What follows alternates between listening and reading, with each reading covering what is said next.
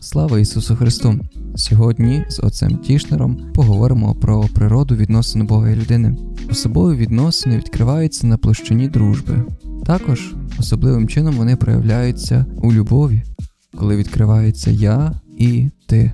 Завжди в любові є такий етап, про що дуже міцно пише Макс Шеллер, з'являється відкриття. Ти є інший, ти є інша. З'являється ти, яке інакше від іншого. Натомість у сфері віри, релігії ти стаєш ще більш окремим. Коли Бог говорить до Авраама ти, то це ти Авраама настільки окремо, що немає жодного іншого відповідника на цілому світі. То, чого Бог жадає від Авраама, жадає виключно від нього. Тому моменті, коли говорить до нього Ти піди з Ісааком, це ти Авраама стає ти абсолютним, єдиним. Дуже важлива річ, що Авраама неможливо заступити. Не було так і так не є, що Авраам міг бути заміненим кимось іншим, кимось іншим з тим його сином. Не було так і не є так, що хтось інший міг замість Авраама піти зі своїм сином і замість нього скласти ту жертву. Якби Авраам не пішов, не було би взагалі цієї події, ніхто би його в цьому не заступив. Щось подібного маємо потім в Євангелії щодо благовіщення Матері Божій. Приходить ангел до Марії. Якби Марія сказала ні, то хіба ангел пішов би до сусідки і сказав: А може ти? Ні. Ці відносини мають абсолютний характер.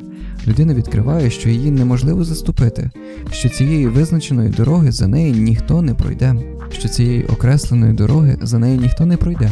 Отець Тішнер наголошує, що церква з'являється після того, як зійшовши з гори, Авраам отримує заповідь Будеш любити ближнього як себе самого, але Бога над усе. Варто пам'ятати, що на цьому полягає функція виховання у християнстві, у релігії, створити особове ти. Коли не вертався святий Августин, одночасно він осягав свою неповторну індивідуальність саме в цьому наверненні. Так само і святий Амврозій. Особливо це видно в ситуації святого Франциска в Асижі, в моменті, коли відчуває, подібно до Авраама, цей поклик Піди за мною, покидає все. Знає, що тільки він, знає, що він і тільки він має йти цією дорогою. Ніхто не є для нього прикладом ані протилежним, ані допоміжним. Ніхто не в силі йому перешкодити, але теж ніхто не в силі йому допомогти. Відносини тут абсолютно індивідуальні. Будемо також це бачити в текстах святого Яна від Христа, коли говориться про розмову душі і Бога. Він пише, що Господь говорить до людини завжди ти. Це таке ти, яке не тільки вказує на людину, але також пробуджує його зі сну. В певному сенсі, в тому моменті, коли людина чує ти, пробуджується в ній зовсім нове я. Ми сьогодні говоримо не про історію спасіння, бо навряд чи історія спасіння би завалилася, якби хтось з її осіб, наприклад, чи Свята Марія, чи Авраам, сказали би ні. Господь би зміг якось іншим чином врятувати ціле людство. Це зовсім не порушить його всемогутність.